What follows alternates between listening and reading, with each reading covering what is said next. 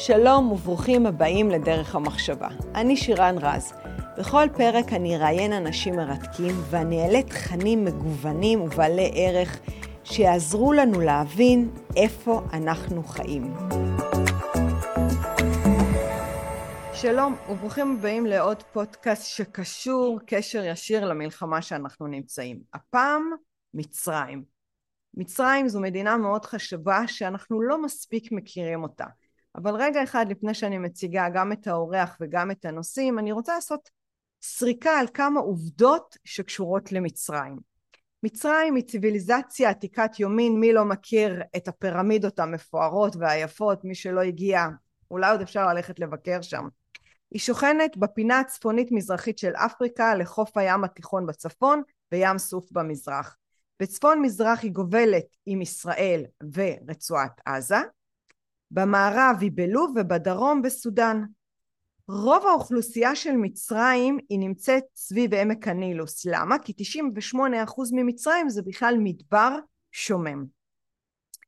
מצרים היא מדינה ערבית עם האוכלוסייה הכי גדולה שיש, משהו כמו 113 מיליון אזרחים. ישראל עשתה הסכם שלום עם מצרים כבר ב-1979 עם הנשיא אנואר סאדאת. אנחנו נדון פה בפודקאסט מה קרה מאז ועד היום. ב-2012 אחרי הדחה של אה, מובארק בעקבות האביב הערבי נבחר מורסי מוחמד איש האחים המוסלמי. הוא נעלם דרך אגב באופן פתע מסתורי לא יודעים מה קרה לו. במקומו ב-2013 עבד אל פתח א-סיסי עלה הוא הנשיא מאז ועד היום הצבא המצרי נחשב לצבא הכי חזק באפריקה. בשנים האחרונות מצרים מתחמשת בכל סדר גודל. יש לה רישיון לייצר טנקים אמריקאים בשטח שלה, אברמס, מי ששמע. היא רכשה שתי ספינות שנושאות מסוקים מצרפת. שתבינו, מי שלא כל כך צבאי כמוני, כל נושאת מסוקים יכולה לאכלס בתוכה חיילים, רכבים משוריינים, טנקים, נגמשים ועל עוד 16 מסוקים. היא יכולה את כל הדבר הזה להנחית בשטח של האויב. בנוסף היא מבצעת הרבה רכש צבאי, כמו שאמרנו ספינות מלחמה, מטוסי קרב, היא בונה מערכות קשרים ומנהרות בין סיני למצרים. הצבא יחסית מערבי ומתקדם, הם ממשיכים לרכוש כלי נשק מכל מיני מדינות. מצרים, עם כל הרכישות הזאת, מדינה מאוד ענייה. התל"ג הלאומי שלה פחות מחצי של ישראל עם 114 מיליון תושבים. היא כל כך ענייה ובכל זאת מתחמשת. מצרים חיה על הרבה כסף זר, התמיכה הכלכלית מסעודיה ומהאמירויות. ובזה אני רוצה לה, להציג את, ה, את האורח שלנו ולעבור לשאלה הראשונה. שלום לאלי דקל, איש מודיעין עם 50 שנה של ותק, אתה תכף גם תספר על עצמך. הוא כתב ספר שאני אשים פה את הלינק ושווה לרכוש אותו, שנקרא מודיעין תלוש מהקרקע, יש לו אתר עשיר בידע שנקרא דקל מודיעין אסטרטגי נטוע בקרקע, הוא מדבר על מצרים מכל ההיבטים, ביטחוניים, מדיניים, כלכליים, אנחנו כמובן נשים פה את כל הלינקים, אבל הכי חשוב להגיד שלום. אלי דקל, בוקר טוב. בוקר אור. מה שלומך? שבח לאל. ותודה לשואל. כן. אלי, תספר לנו קצת על העבר שלך, איך הגעת לתחום הזה. אתה בעצם חוקר תצלומי לוויין, שזה משהו מאוד מיוחד גם באקדמיה וגם בעית... גם בתקשורת וגם בצבא. אוקיי. Okay. אה, uh, אני התגייסתי לצה"ל ב-62, 1962, ושירתתי בחטיבת המחקר באגף המודיעין, בגוף שנקרא ענף השטח והיעדים. אה, הגוף הזה לא כל כך מוכר בציבוריות הישראלית והעיסוק שלו העיקרי זה הפקת מידע ממעשי בני אדם. כלומר, הפקת מידע מתשתיות, מה שאנשים בונים, לא מה שהאל חנן אותנו, גשרים, מחנות צבא, מפקדות, בתי זיקוק, כל מה שמעשי בני אדם. והצורך המודיעיני במעשי בני אדם זה לשני צרכים. א', אה, לפגוע בהם בשעת הצורך, כלומר סוג מטרות, והגוף הזה היה מופקד אז על בנק המטרות האסטרטגיות של המטכ"ל. יש עוד בנקים בצה"ל שמנהלים הפיקודים או מטרות טקטיות ברמה של ה... מה שהיום עושים בעזה למעשה זה בעיקר מטרות טקטיות.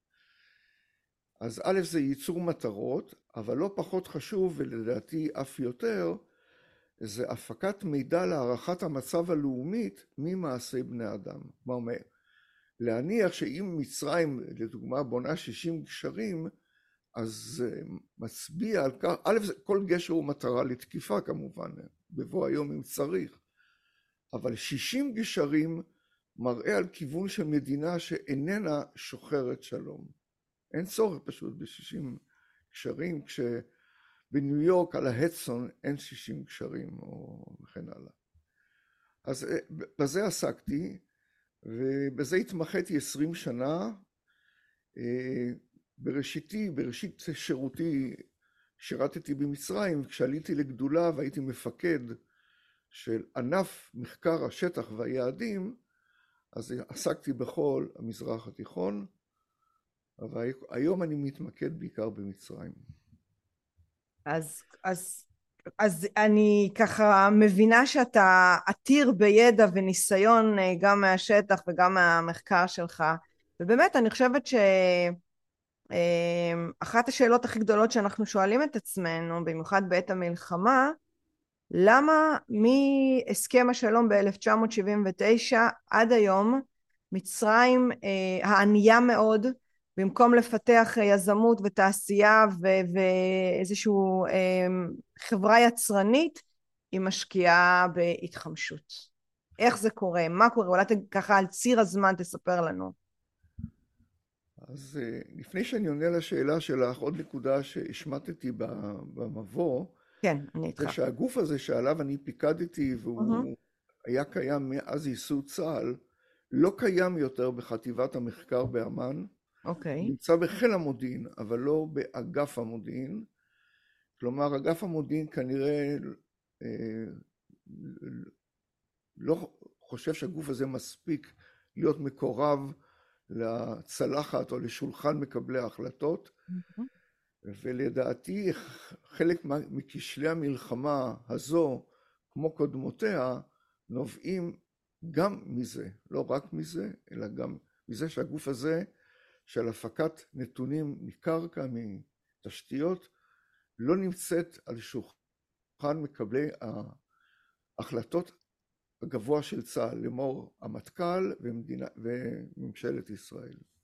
עכשיו, בתשובה של, לשאלה שלך לגבי הסכם השלום, אה, דרך אגב, אני חייבת פה להכניס הערה לפני שאתה עונה, היה פה גם בפודקאסט הנשיא של ממרי, גל כרמון, שהוא גם אה, לשעבר איש מודיעין, הוא אמר את אותה טענה שהם הורידו את המודיעין לג... אה, על גבי המדיה הגלויה, כל מה שיש בעיתונות, בתקשורת, ברשתות החברתיות, הם לא מספיק נותנים לזה דגש, ודווקא שם אה, יש, אה, היה איתותים, לא איתותים, היה מידע מאוד ברור והוא גם התריע על המתקפה בשביעי לאוקטובר.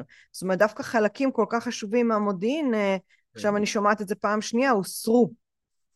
כן, האמת היא שלצבא יש גם לוויינים משלו, כלומר, אני אמנם אה, נשען על המדיה מגוגל, אבל אה, לצבא יש כלים יותר טובים ממני ויותר עדכניים מאשר לי. Mm-hmm. כל זה נמצא בצבא, אבל לא קרוב לשולחן, לא קרוב לצלחת. עכשיו, לעצם העניין, אה, בניגוד לדעת חוקרים רבים במערכת, הסבורים שמלחמת יום הכיפורים התרגשה עלינו משום שהמצרים רצו להתחיל תהליך של הידברות עם ישראל, אבל מתוך עמדה של כוח. כלומר, היה להם איזשהו יעד להידבר איתנו, אבל כבר שהם הובסו בששת הימים, אז הם עשו איזושהי מלחמה קטנה כזאתי, להראות אה, שאנחנו באים לשולחן עם דיבידנדים משלנו, ולא מוכים ונרמסים אה, מהקטסטרופה של ששת הימים. אני לא סבור כך.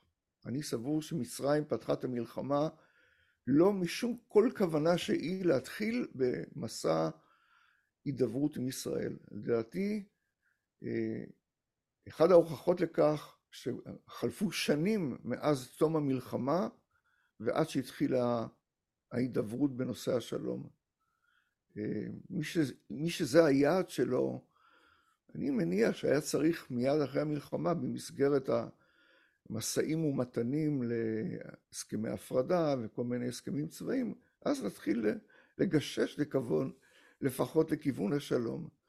אני לא רוצה להאריך בדברים, תמצאו באתר שלי הרבה טיעונים לעניין הזה. בכל מקרה, לדעתי מצרים, להפך, להבדיל מכולם, לא הייתה חפצה להידבר איתנו, היא חצתה, היא הייתה מעוניינת לדבוק בוועידת אה, חרטום, שבה נתוועדו כל ארצות ערב ואמרו, נמנו וגמרו, אנחנו לא נידבר לעולם עם ישראל, אלא אם כן אנחנו נבוא אליה בחרב. כלומר, אסור להידבר עם ישראל, וישראל גם אחרי מלחמת יום הכיפורים דווקא בעניין הזה. אה, לשאלה מה קרה... אה, אז, אז למה זאת... בעצם היא כן עשתה את ההסכם או, שלום בסוף? מה האינטרס שלה? אני מציע לתת, להאזין לדוקטור קידר שהוא נותן תירוץ טוב, אני לא יודע אם הוא נכון. שמה הוא? הוא נותן תירוץ שמצרים נאנסה כלכלית. אה, בגלל שארצות ערב אחרי המלחמה את המעט שנתנו הפסיקו לספק. ויש לו עוד טיעונים, יש לו שיחות בעניין הזה. אוקיי. Okay. אבל כללית, בגלל חסרון כיס. הבנתי. אבל, אבל, וזאת הנקודה המרכזית, כשנחתם הסכם השלום, אני עוד הייתי בשירות הצבאי. ועל הגוף שלי הוטל, כמו על כל חטיבת המחקר, אה, לעקוב אחרי היישום של הנספחים של הסכם השלום. בהסכם השלום, המוטו שלו העיקרי, אבן הראשה בהסכם השלום, הייתה דרישתה של ישראל לפירוז סיני, על מנת שלא יחזור המצב ש-67 שהם איימו לכלותנו ועוד כל מיני דברים שכאלה. והוסכם בין הצדדים בתיווך אמריקאי על איזושהי פשרה, לא פירוז מלא של סיני, אלא רוב האי מפורז לחלוטין מצבא, למעט דיוויזיה, שזה בערך 22 אלף חייל, אה, שלהם מיותר להיות בחלק המאוד מערבי של החצי האי סיני. כלומר עדיין יישאר מרווח של כ-200 קילומטר אה, נקיים מצבא, על מנת לאפשר למדינת ישראל בבוא העת להיערך לאיזושהי מתקפה, וזה היה, זה ליבו של הסכם השלום. מדינת ישראל מחזירה את כל סיני עד לגרגיר החול האחרון, אבל בתמורה היא מקבלת פירוז חלקי וכוח ייצוגי.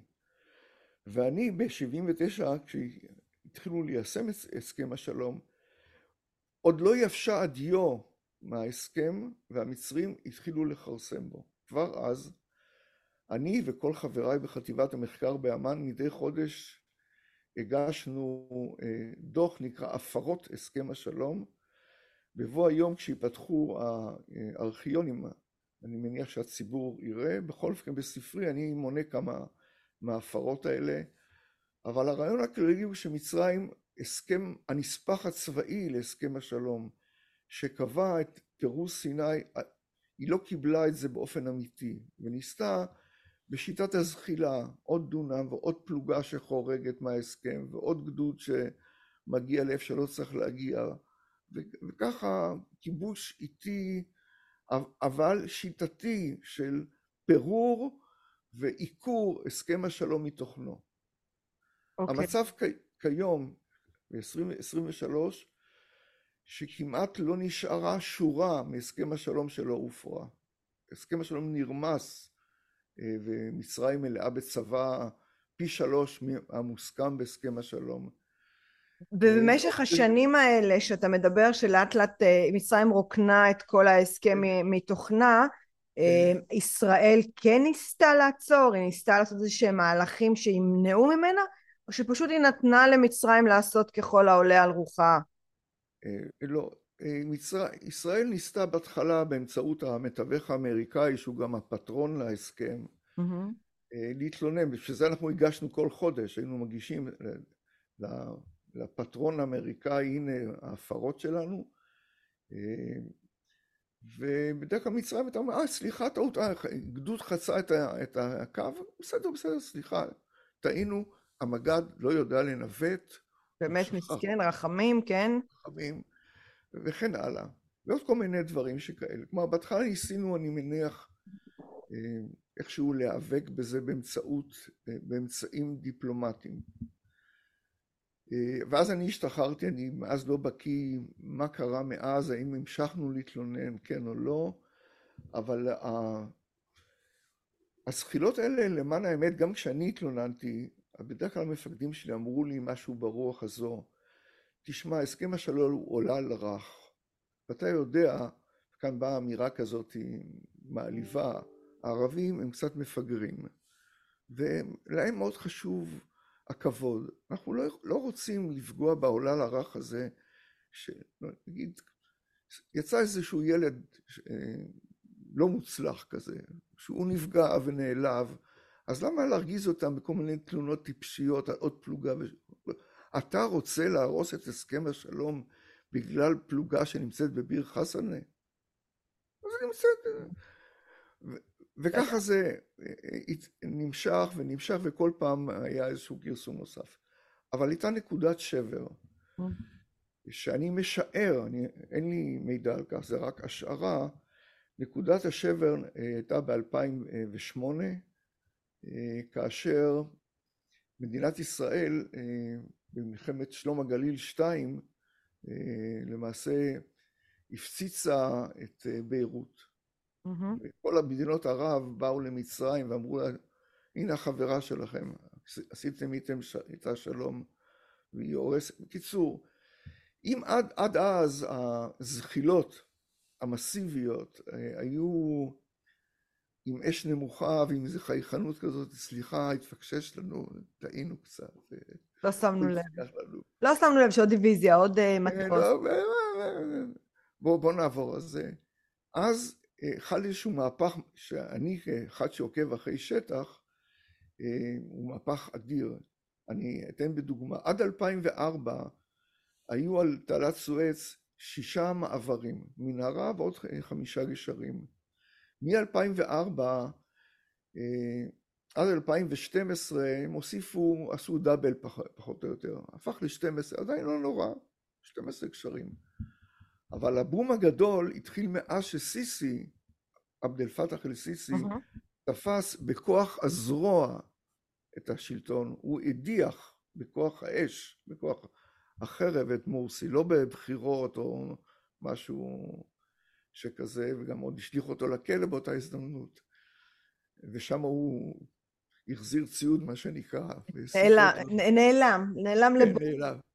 אבל בכל מקרה, הנקודה היא שמאז 2004 שהיו 2000, אה, שישה גשרים, שדרך אגב זה לדעתי גם זה מיותר לסיני, בסיני אין כלום שמצריך שישה גשרים, אבל בוא נניח בסדר, נהיה לארג'ים, ניתן להם שישה גשרים.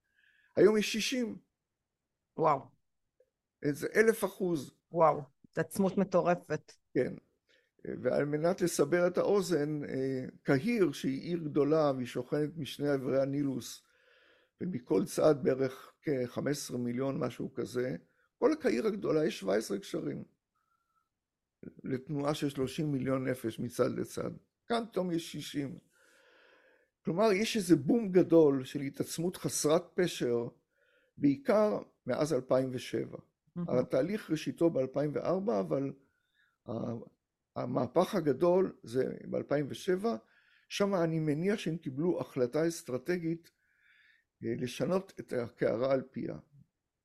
בגלל ו... אה, מה שעשינו בביירות בשלום הגליל. כהשערה, אין לי, כן, כן. אין לי הסבר טוב אחר. כן. זה, זאת, זאת ההשערה.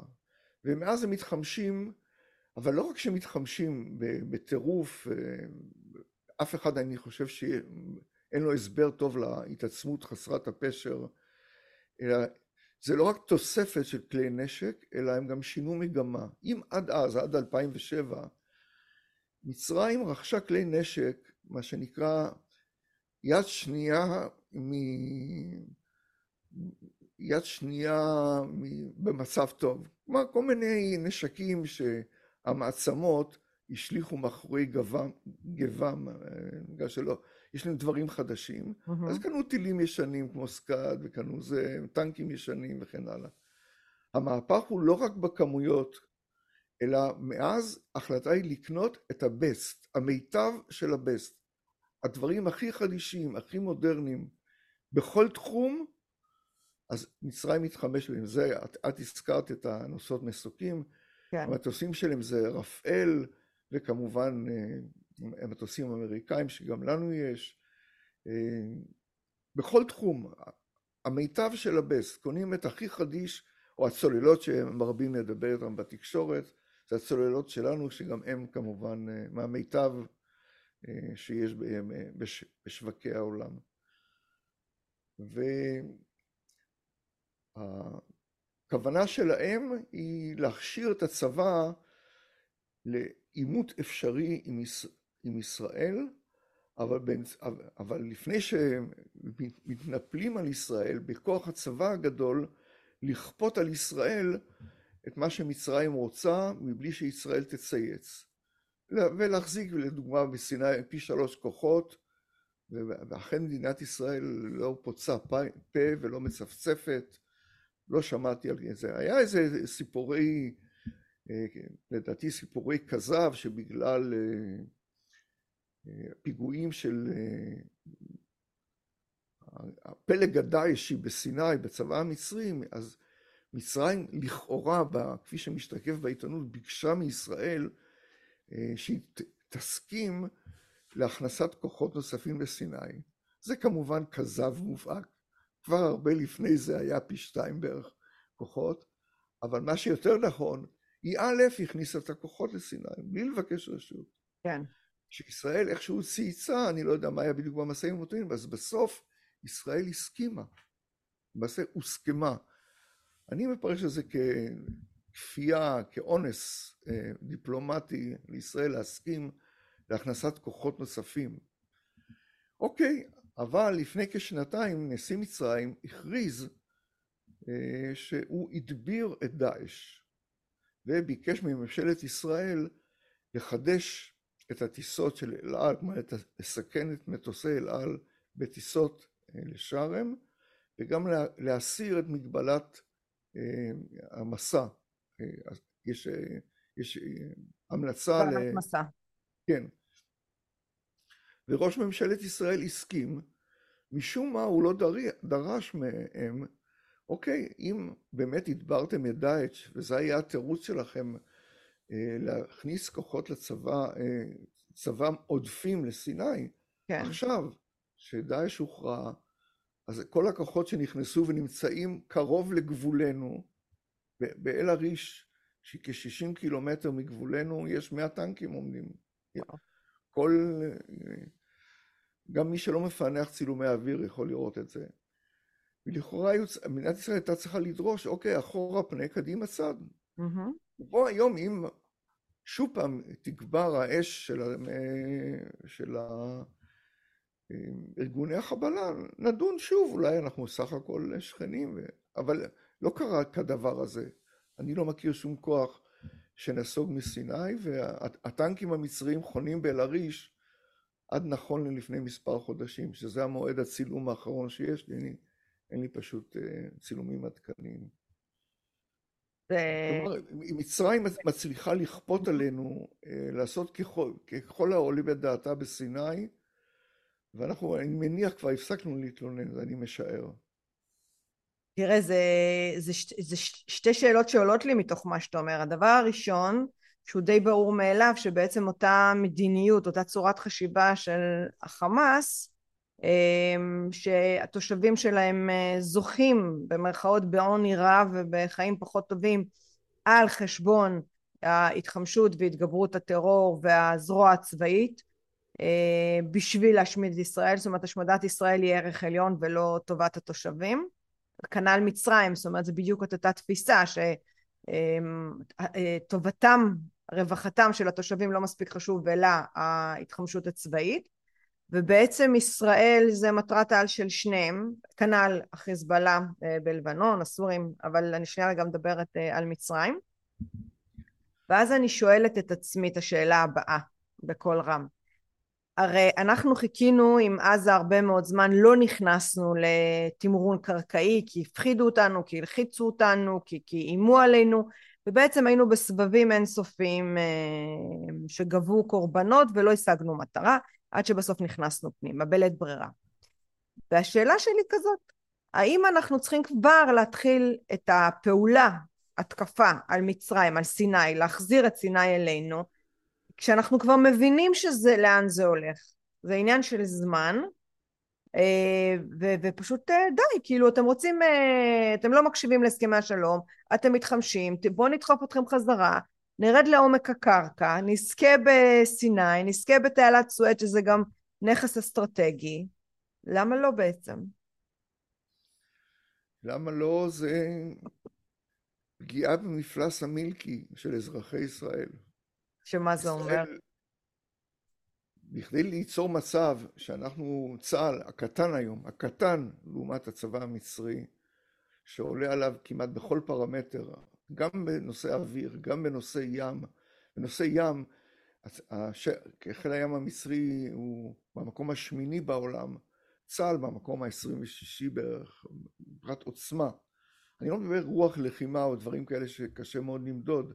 כן. אני יודע שלוחמי צה"ל הם עזי נפש, אבל זה לא אומר שהמצרים לא עזי נפש. Mm-hmm. אני, אין לי כלים... אה, למדוד את האידיאולוגיה שלהם ואת אה, כן, אה, אומץ כן. רוחם. אני יודע שיש שנאה גדולה, ושנאה זה כלי טוב למלחמה. נכון. אדם שונא, הוא נלחם כמו... ראינו, ראינו בשביל אוקטובר. כן. ואני מציע למדינת ישראל, לעת הזו, עד שאנחנו נבנה את הצבא, שאולי נפנטז שוב על שחרור סיני, דבר ראשון, להתכונן ולהכין צה"ל להגנה על הנגב, דבר שגם את זה מדינת ישראל לא עושה. ובכל הסדרת ההרצאות שאני נותן מאז שנפתחה המלחמה, אני רק ביקשתי בקשה צנועה שכל המגויסים, יש לנו מאות אלפים לפי התקשורת, יעברו איזושהי הכשרה למקרה שנצטרך להתמודד עם המצרים. זה רק הכשרה, הרי אימנו אותם במערך השיעור שעושים לחיילי המילואים, גם ידברו, שידעו איזה, איזה נשק יש למצרים, דברים אלמנטריים, אה, קצת סיורי מפקדים וכן הלאה. אני לא יודע אם מישהו שאל לבקשתי, אני חושש שלא. כן, זה, אבל יכול להיות שזה מאותו, מסיבה אחת שלכאורה היא ברורה, שעובדים לפי סדרי עדיפויות, אה, בגלל שהצבא הוא לא כל יכול, אז מזיזים את זה לפי מה שדחוף לא, לא, יותר. אני כרגע, כרגע אה? לא דורש מצה"ל, אה, הדרישה היא סך הכל בקורסים קצת, א', א', קצת להגדיל את המודיעין שאוסף מידע על מצרים. המודיעין הזה היום מאוד חלוש, mm-hmm. יחסית לתקופה שאני שירתתי. אה, אז אני מדבר על הקדשת משאבים שבחישוב כללי העלות שלה היא מאוד נמוכה או זניחה.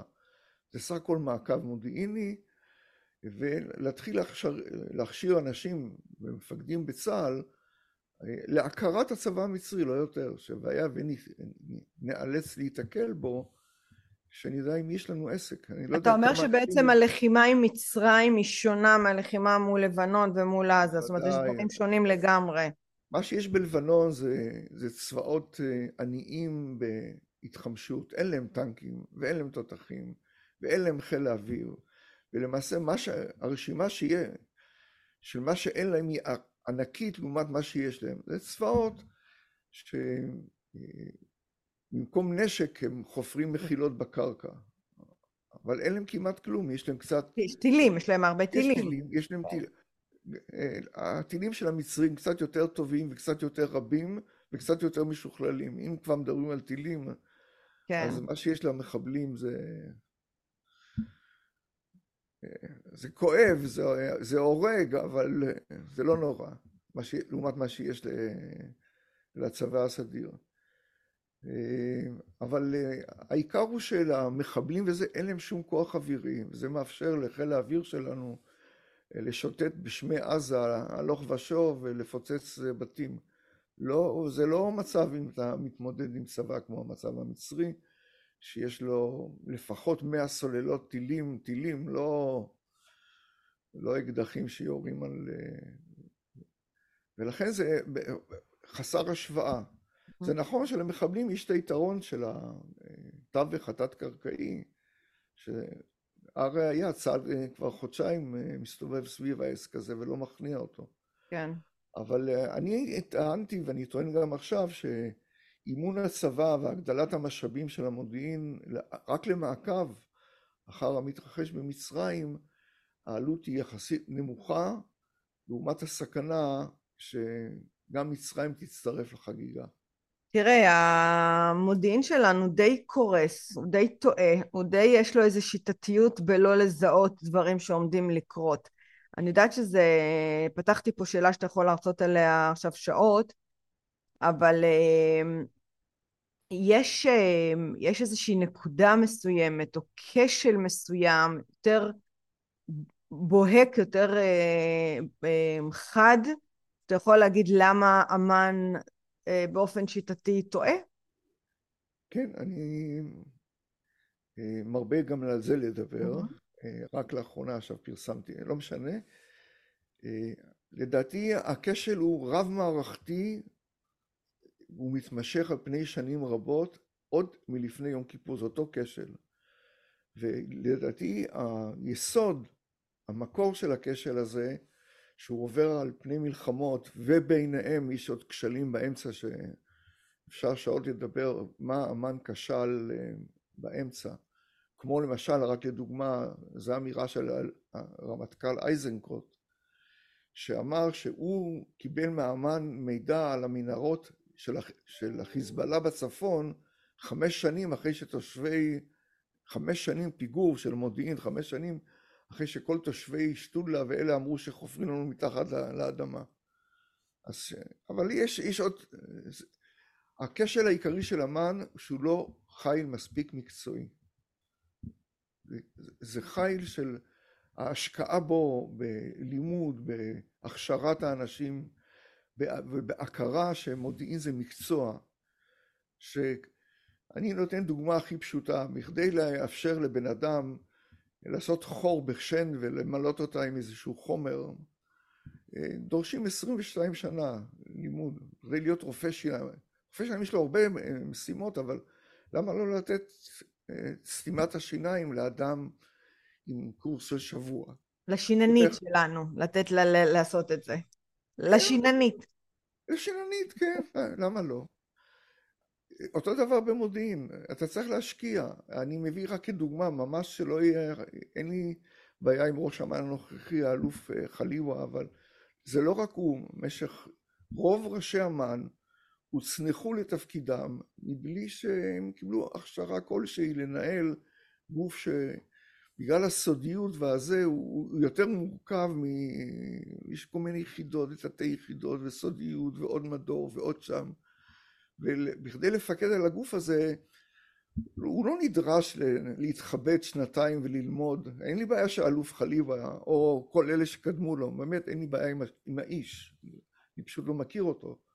אבל אה, כמו שלא יעלה על הדעת לקחת אה, אפסנאי ולמנות אותו לתפקיד חיל האוויר, מפקד חיל האוויר, כמו שלא יעלה על הדעת לקחת אה, איש אמן חכם עם ראש כזה, אבל לשים אותו להיות מפקד גייסות השריון. פשוט דרוש ידע בנושאים האלה. אמן נחשב כאיזה מין חיל שהוא מין תחנת רכבת. כל החפץ להיות רמטכ"ל עובר, עובר דרך אמן. עובר דרך אמן, מחפף שנתיים איזה תפקיד וממשיך הלאה, בתקווה שבמשמרת שלו לא יהיה איזה ברוך. וזה מה שקרה לראשי אמ"ן הקודמים, שאם תקראי את ההצהרות שלהם, הם לא שונים מאלוף חליבה, אלוף חליבה הוא סתם במקרה נפל עליו העונש הזה. כן, כי זה נפל במשמרת שלו. כן. אמ, אני רוצה לעבור פה לעוד איזושהי שאלה שככה מסקרנת אותי. הרי דיברנו על זה שמצרים היא מדינה מאוד ענייה והאמירויות בסעודיה מעבירה להם, תומכת בכלכלית. ומראות עיניך, האם האמירויות וסעודיה הם לא משחקים פה איזה משחק צבוע או שני פנים כמו שהיה עם ערפאת בהסכמי שלום שמצד אחד הגיש יד לשלום ומהצד השני המשיך לפתח טרור זאת אומרת אני אחדד את השאלה שלי האם יכול להיות שהעולם שה, הערבי כולל האמירויות וסעודיה שככה כן רוצה להתקדם איתנו אולי לאיזשהו אה, הסכם שלום אה, בעצם משחקת משחק כפול והם הרבה יותר מאוחדים והרבה יותר אה, אחידים אה, מול אה, השמדתה של מדינת ישראל. כי הרי ברור, ברור מה מצרים עלולה לעשות עם התמיכה הזאת. אז, אז כאילו אני מהבנתך אני יודעת שזו שאלה קצת אולי יותר מדינית כן, אני, א', אני לא מתמחה לא ב, כן. בסעודיה, למרות שבתקופת השירות שלי כן הייתי מופקד גם על סעודיה, אבל הידע שלי הוא עתיק ולא רלוונטי. אה, אבל uh, אני יכול להגיד בבטחה דבר אחד, mm-hmm. שא' מצרים צועדת בבטחה למצב של חדלות פירעון, כלומר mm-hmm. ממש פשיטת רגל, זה אינפלציה של 40 אחוז, או קרוב ל-40 אחוז, זה לא מצב כלכלי שהיא מוכרת אגרות חוב זבל בריבית מופקעת, בגלל שהעולם לא מאמין במצב הכלכלי שלה, ואז היא כן. נותנת ריבית אה, משוגעת. כן. כל מי שרוצה להרוויח היום שבעה אחוז איגרות חוב, מוזמן, אם הוא רוצה להתאבד, שיקנה את האיגרות חוב של מצרים.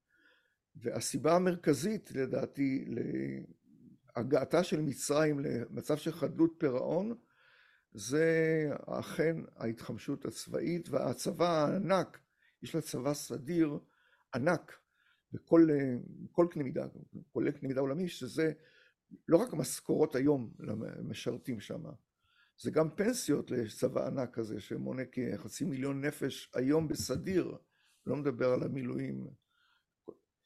חצי מיליון היא... חיילים בסדיר יש לצבא המצרי? כן, כן, ככה מכוני מחקר מעריכים את זה. כן. זה כסף עצום, לקלקל אותם ואחר כך כשהם פורשים לגמלאות עוד להמשיך ולפרנס אותם. Mm-hmm. וזה לא היה קורה לה, דוגמה הייתה יכולה לקחת חלק מהדיוויזיות שלה, להעביר אותם למילואים, כלומר, לא, לא לפרק את הצבא, אבל היא לא עושה את זה, היא להפך, כן. היא רק מגבירה, ומקימה עוד ועוד חי... רק בתקופה של סיסי, הזאתי האחרונה, מאז 2014, mm-hmm. צבא מצרים נוספו לו להערכתי עוד 60 אלף בסדיר, לפי החשבונות שאני רואה. 60 אלף חיילים? חיילים וקצינים, כן. כן. וביניהם שלוש דיוויזיות. כמה מונה כל דיוויזיה? זה תלוי, יש חי"ר ויש כאלה. זה נע סביב העשרת אלפים, אה. למעלה ולמטה, תלוי מה, אם זה חי"ר או שריון או... אז אם נגענו בהיבט הכלכלי של מצרים... עכשיו, אבל לגבי 아, אה, כן, סעודיה כן. וכן כן, הלאה. כן. אה, למדינות האלה אין להם, לא היה להם צבא גדול עד לפני מספר שנים, והם ציפו שהכוחות המצרים יושיעו אותם בעת צרה. Mm-hmm. סעודיה נחרדה לדעת כשהתחילו התקיפות של ההותים עליה, לא עלינו אז, כן, אני... והיא ביקשה את העזרה המצרית, וזה אחרי שסעודיה ריפדה את דרכה של מצרים בהרבה מיליארדי דולרים, הרבה לפני כן, סדר גודל של 18 מיליארד דולר בשנה. וואו. אה, והם ביקשו את העזרה המצרית, אז המצרית אמרו, אם אתם רוצים נשק ותחמושת בכיף, אם אתם רוצים מדריכים טוב, אבל אנחנו לא נלחמים בשבילכם. ואז אה, אה, סעודיה היה לה חרון אף, החליטה שתי החלטות אסטרטגיות. א', לקמוץ ידה ממצרים. היא נותנת כסף, אבל... מצמצמת, מתקמצנת על מצרים. מתקמצנת על מצרים, אבל היא עושה את הדבר ההפוך, הנוסף, היא בונה לעצמה צבא ענק, ענק, אה, באמצעות ארה"ב, בעזרה של ארה"ב, אבל המימון אה, אה, סעודי מלא.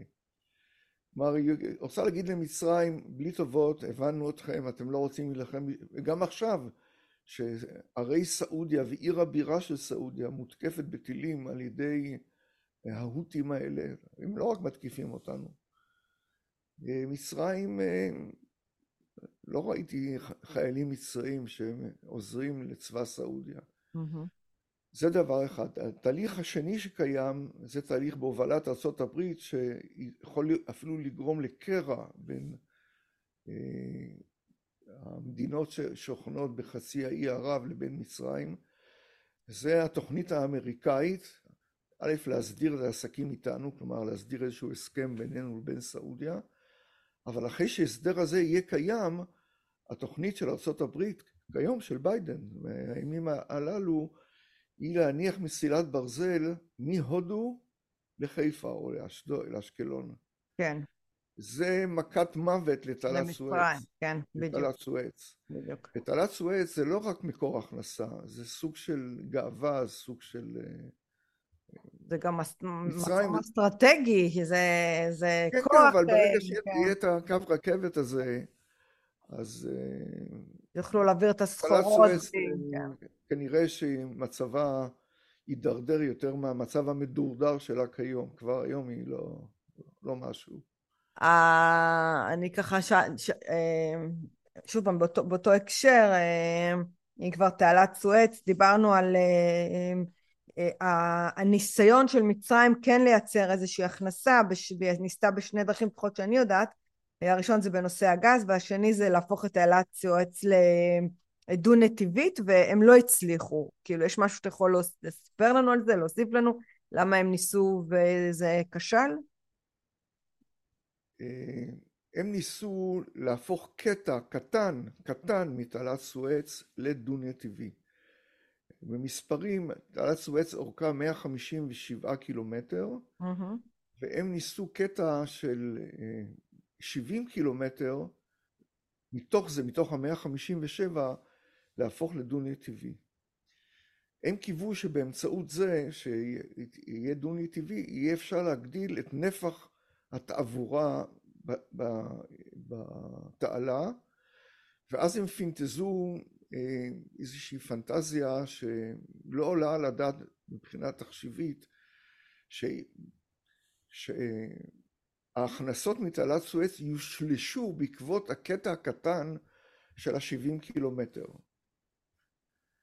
עכשיו, בפועל, ואז הם יצאו לציבור, לא משנה, והרעיון הוא במספרים, אה, בזמן שהמיזם הזה של תעלת סואץ אה, תורחב בחלקה לדו-נתיבית, הכנסות היו קרוב לשישה מיליארד דולר בשנה, הם ציפו שבאמצעות הפרויקט היחסית זעום הזה, זעיר הזה, להגדיל את ההכנסות ל-13 מיליארד, זה היה היעד.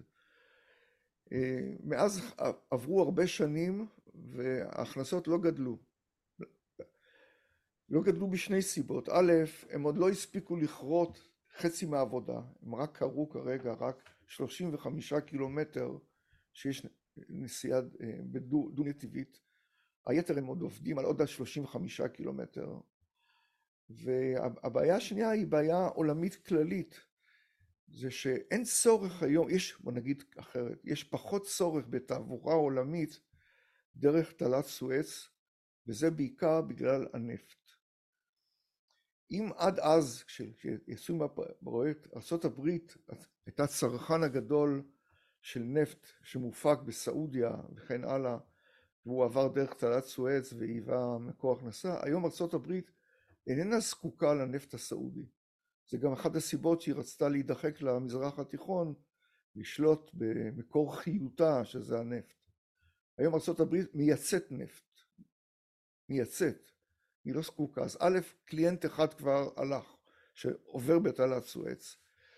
client גדול נוסף זה אירופה, שאין לה הרבה משלה בתחום הנפט, אבל יש את רוסיה שאמנם היא אירופה, אבל לא נגיד אירופה, אירופה אחרת, שהיא הפכה מקור ההכנסה, האנרגיה של אירופה ברובה הגדול, באמצעות צינורות גז שיוצאים מרוסיה ומגיעים לאירופה.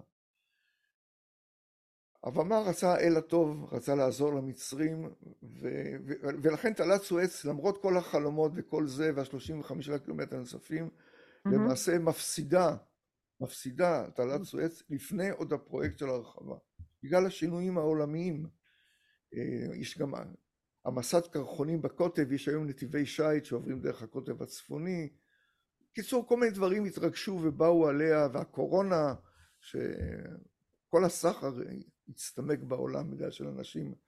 היה פחות כסף אה, בגלל המחלה. בכל אופן, גם מסיבות אובייקטיביות וגם בגלל שאיפות לא מבוססות כלכלית, אין צורך בתעלת סואץ. אלא מה קרה עכשיו?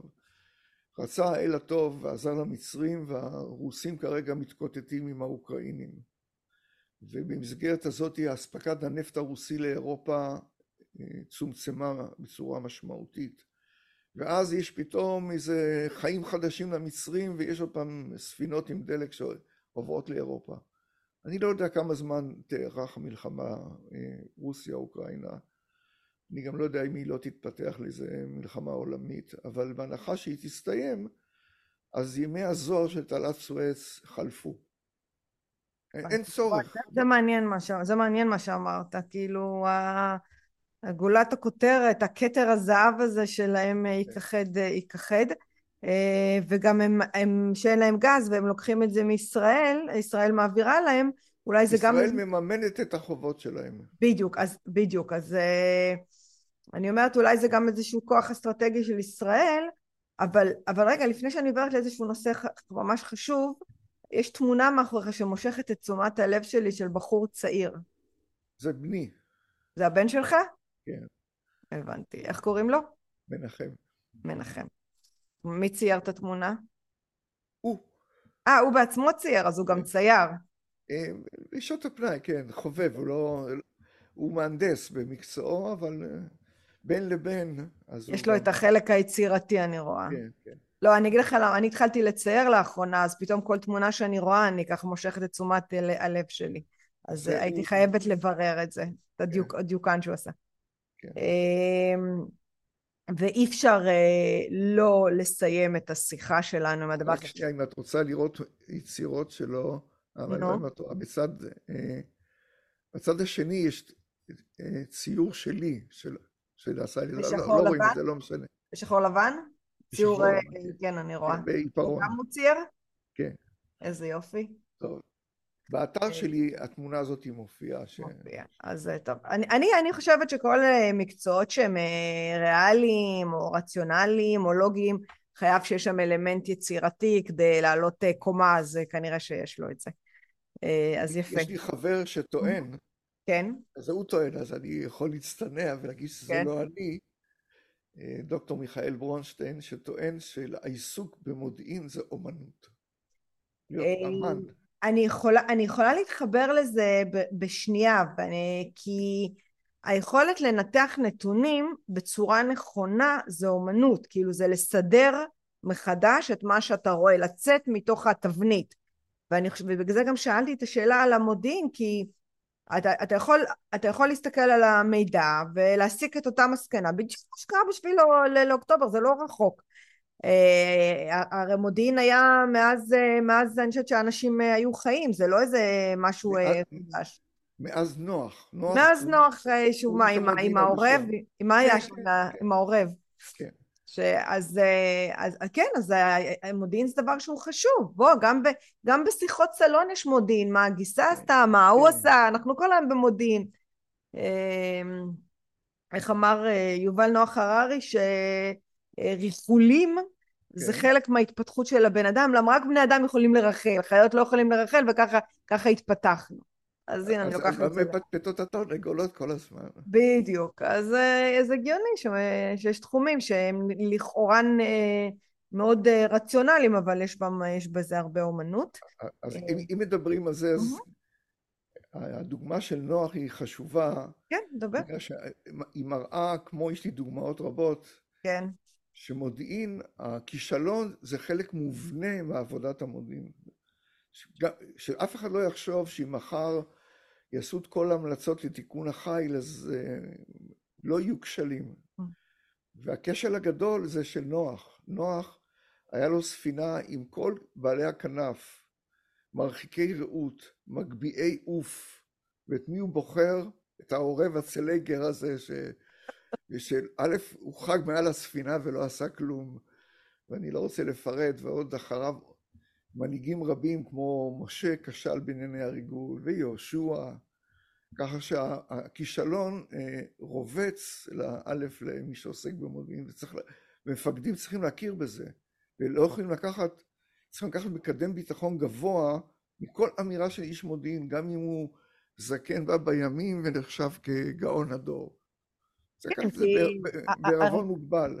הרי מודיעין זה תרגום, פענוח של מה שאתה רואה, וכבר אמרו חכמים לפנינו, גם תורת הקוונטים מדברת על זה שאנחנו בעצם יכולים לראות רק מה שיש לנו במוח, אנחנו לא יכולים לראות כן. משהו חדש. ואז אז במודיעין אתה לפעמים יכול לפענח, אתה לא יכול לראות כי זה לא קיים אצלך. אז יש פה כן. המון אה, אזורים מתים. אה, איך מתגברים על זה? אני לא אשת מודיעין, אני לא יודעת, כן. אבל אני מניחה שבהרבה... יש לי המלצה. כן. המלצה זה בתחום החומוס. לא רק חומוס עושים מאהבה, גם מודיעין עושים מאהבה. גם מודיעין עושים מאהבה. ולצערי, העיסוק היום באנשי, של אנשי המודיעין, הם, זה עיסוק של מין פרנוסה כזאת. כלומר, אין ברירה, צריך להתפרנס, אז אני מוכר בצלים בשוק. אני לא מאוהב בבצלים, אני כן. צריך. כי צריך להתפרנס. וחלק מאנשי המודיעין הם משוטטים בין התפקידים השונים, וכל תפקיד הוא כזה שהם לא מתחממים את הכיסא ורצים הלאה. אני לא מרגיש את האהבה כמו שאני הכרתי ממוריי ורבותיי שלימדוני את המקצוע הזה, שאהבו. בלי אהבה אין חומוס, וגם כנראה גם... אין מודיעין. תראה, אלי דקל, אם אה, בגילך אתה עוד עוסק בזה ובכזאת תשוקה, כן. אז ברור שיש שם הרבה אהבה. אמ, ו- ואני ככה רוצה לעשות קפיצה לתחום הכי חם בעצם, שזה עזה. אמ, למה מצרים שומרת אה, שמירה עזה איתנה ועיקשת שהעזתים לא יעברו? ואיך היא מרשה לעצמה לבנות את המנהרות, מנהרות, אה, אה, כן, את המנהרות, וכל הקשר הזה בין החמאס למצרים, לעזתים, אה, מה הם כל כך אה, רוצים שעזה תישאר לנו תקועה בגרון? מאז 1956 אה, אה, עזה נתמכת על ידי מצרים. למצרים יש עניין רב מאוד שישראל תדמם באמצעות אנשי הפרוקסי המצריים שעובדים למענה, אולי הם לא יודעים שהם עובדים למענה בעזה. אם יש בעיה בעזה, הבעיה נוצרה בגלל מצרים. מצרים היא זו שחימשה את כל הים הגדול של הנשק שאת רואה, אז נכון שמוצאים מחרטות ומוצאים כאלה ומוצאים, אבל כל דברי הבל. עיקר הנשק הגיע מהמדינה שנקראת מצרים, או ברשות, כלומר בידיעה מלאה של השלטונות, או בהעלמת עין. עצימת עיניים בעוצמה רבה, תוך שלמונים לכל המשרתים בדרך, שכולם גזרו קופון mm-hmm. מכל טיל ומכל אה, קלצ'ניקוב שעבר, אז אה, אני מניח שיש כמה קצינים עם וילות אה, בגלל המנהרות. היו בזמנו למעלה מאלף מנהרות, אבל מצרים דאגה כל השנים שעזה תדמם. שאנחנו נדמם בגלל עזה. והיה ביכולתה לסייע רבות לעזה, לדוגמה חשמל. בסיני יש, יש כושר ייצור, יש תחנות כוח, ובמצרים יש עודף ייצור חשמל.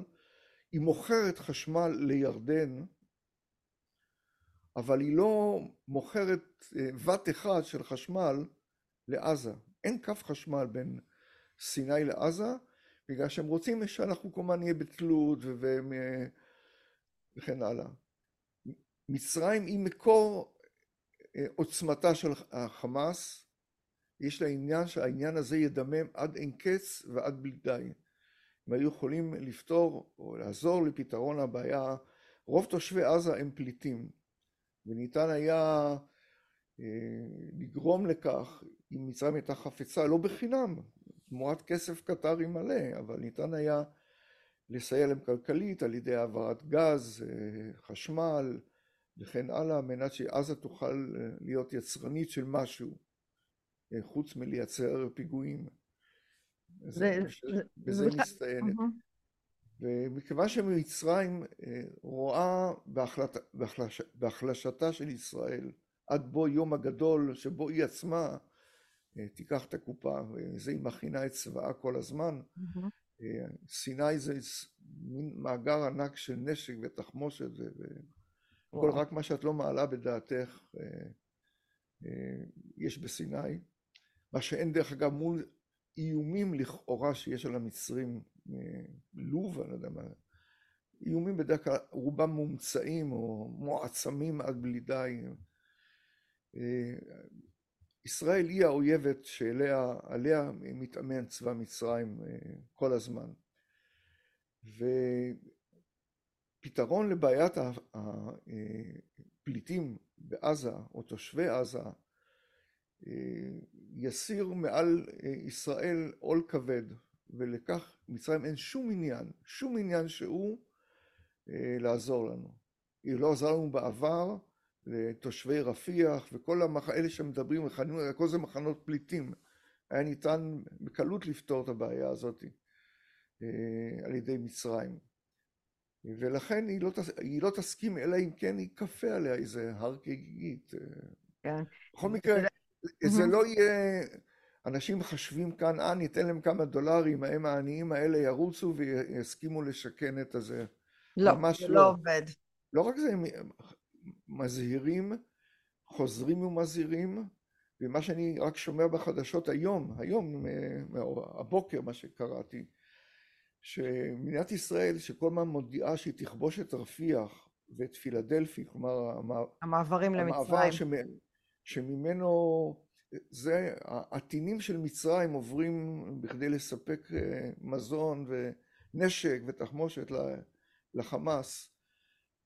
מצרים העבירה אזהרה שלא תעיזו להגיע לפילדלפי, והבוקר אני שומע אה, בחדשות שמדינת ישראל כרגע לא מטפלת לא בפילדלפי ולא ברפיח. לאמור, זו ההבנה שלי, אנחנו שמענו אתכם, ובאמת אל תתחילו, אנחנו לא... לא, לא רוצים לא. מלחמה איתכם. כן, כן.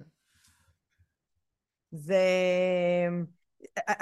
אני אומרת, אם כבר אנחנו מדברים על מודיעין, הרי אם אנחנו יוצאים מתוך נקודת הנחה שהיא די מעוגנת במציאות, שאנחנו על המטרה של מצרים, והיא עושה כל שביכולתה כדי להשמידנו בבוא העת, אז איך נותנים לה להיות מתווכת כל הזמן? זאת אומרת, איך לוקחים את סיסי להיות מתווך?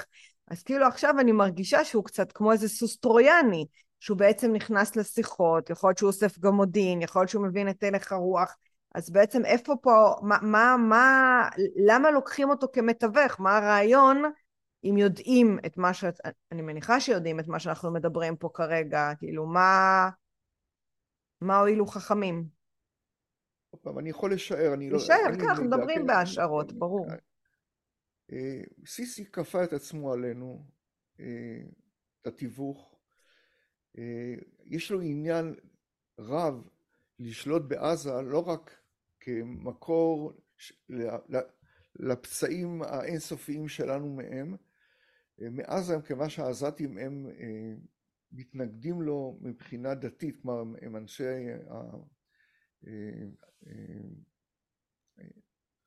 האחים המוסלמים, העזתים הם אחים מוסלמים, אלה שסיסי סילק בכוח הזרוע והיום בתי הכלא שלו שהוא בונה כמו משוגע הוא רק מאכלס אנשי אחים מוסלמים המעט שלא ירימו ראש. למצרים יש עניין רב שיהיה לה יד ורגל במתרחש בעזה. לכן במלחמה הקודמת שהייתה לא מזמן, שומר החומות, מצרים מיד אחרי המלחמה נתנה, מצרים הענייה, אמרה, לא יודע אם נתנה בפועל, היא הכריזה שהיא נותנת חצי מיליארד דולר לשיקום עזה, ובפועל אני יודע שהיא כן שלחה עשרות של כלים הנדסיים כבדים לפנות את ההריסות שעשינו אז מהמנהרות והבתים שהפלנו בעזה. כלומר, יש לה עניין לשלוט בעזה, ובאמצעות התיווך היא גוזרת קופונים מדיניים לפחות. כאשר הסתיימה מלחמת שומר החומות, וראיינו אותי, וזה מופיע באתרים שלי, מה ההמלצות שלי, אז אני אמרתי שעוד שעוד לפני ששכחה האש בינינו לבין העזתים, שאני ממליץ לקחת, לגשת לחנות פרחים, לקנות זר ענק, ענק, של פרחים ושוקולדים הכי טובים שיש. כן.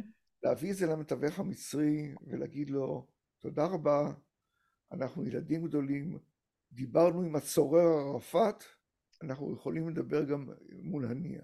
לא צריכים אותך, תודה רבה.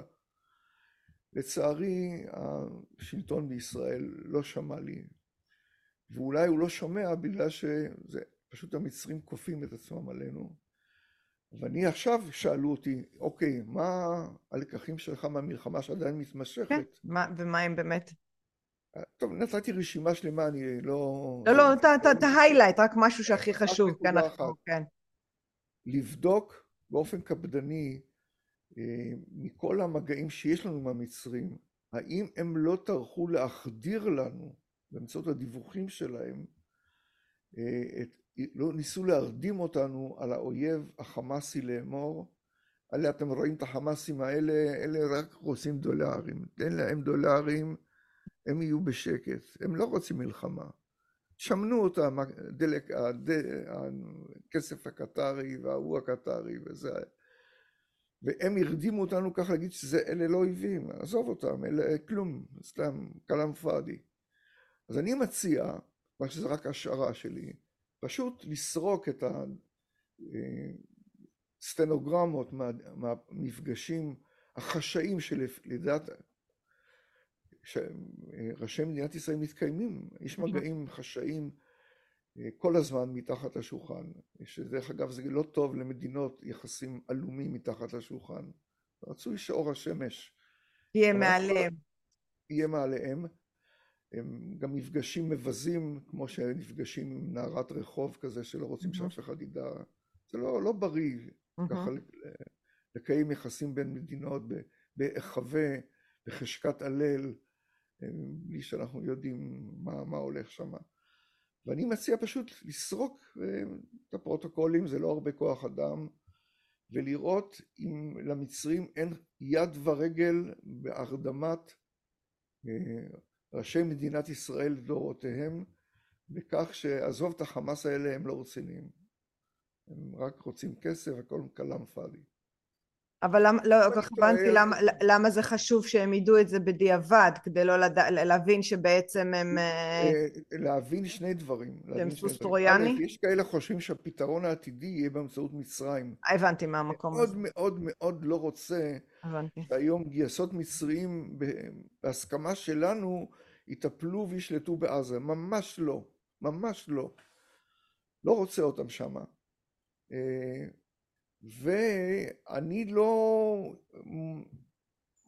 אה, שולל את כך שהיום עזה ממשיכה להילחם נגדנו בגלל שבין שקי האורז, אה, הקמח והתותים שהמצרים מעבירים במעבר רפיח, יש גם אלו רקטות אה, לחימוש מחדש של הרצועה.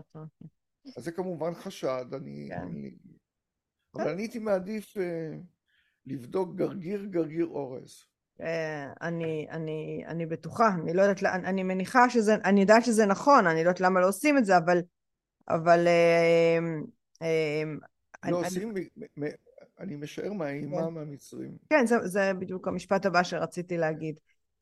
אלי, אני חושבת שהנקודות החשובות אה, הצלחנו לעבור עליהן, זה מבחינתי היה מעניין ומרתק, במיוחד שאני לא באה בכובע של לא מדינאית, לא פוליטיקאית, לא אשת מודיעין, אני אזרחית מן השורה שהפודקאסט הזה הוא למען ולטובת, לטובתי, לטובת האזרחים, לטובת כל מי שמקשיב, קצת להרחיב את הידע, ללמוד יותר, אה, אני מעודדת את השיח, מעודדת דעות, אז פה אני גם מזכירה לכל מי שנשאר עד הסוף של אלי דקל, יש ספר שנקרא המודיעין תלוש מהקרקע, יש לו אתר עשיר במאמרים, בסרטונים, שנקרא דקל מודיעין אסטרטגי נטוע בקרקע, מי שרוצה להרחיב בכל מה שדיברנו כאן.